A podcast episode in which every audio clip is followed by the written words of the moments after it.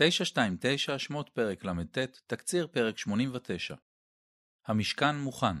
זה הזמן להכנת המלתחה של בגדי הכהנים.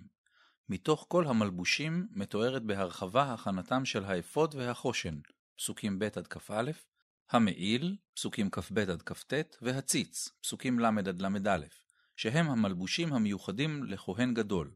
לבגדי הכהנים הזוטרים, הכותנות, המצנפות, מגבעות, המכנסיים והאבנטים, מוקדשים שני פסוקים בלבד, פסוקים כ"ח וכ"ט.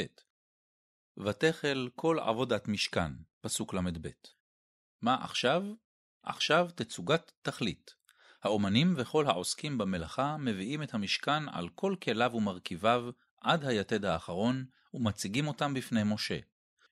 וירא משה את כל המלאכה, והנה עשו אותה, כאשר ציווה אדוני כן עשו, ויברך אותה משה. פסוק מ"ג למה כדאי לשים לב בפרק? אחת, בגדי הקודש ובגדי השרד, פסוק א'. בגדי השרד הם מדי הכהנים כולם. בגדי הקודש הם הבגדים המיוחדים לאהרון, הכהן הגדול, ואותם הוא לובש מעל המדים האחידים.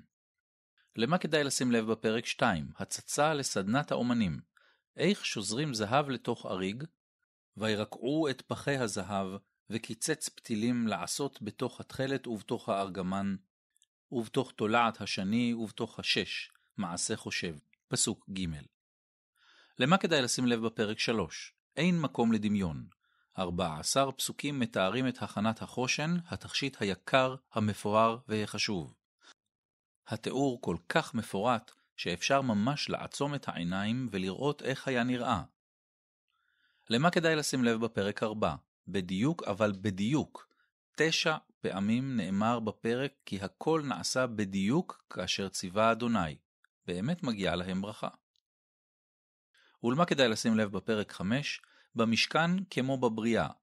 בין סיפור בריאת העולם לסיפור הקמת המשכן מקבילות סגנוניות רבות, ולא סתם. הנה שתיים מהן. ויחולו השמיים והארץ וכל צבעם, ויכל אלוהים ביום השביעי מלאכתו אשר עשה, וישבות ביום השביעי מכל מלאכתו אשר עשה, ויברך אלוהים את יום השביעי. בראשית פרק ב'. ובמשכן, ותחל כל עבודת משכן אוהל מועד. פסוק ל"ב. ויברך אותם משה. פסוק מ"ג. את התקציר כתבה מרים בלומנטל.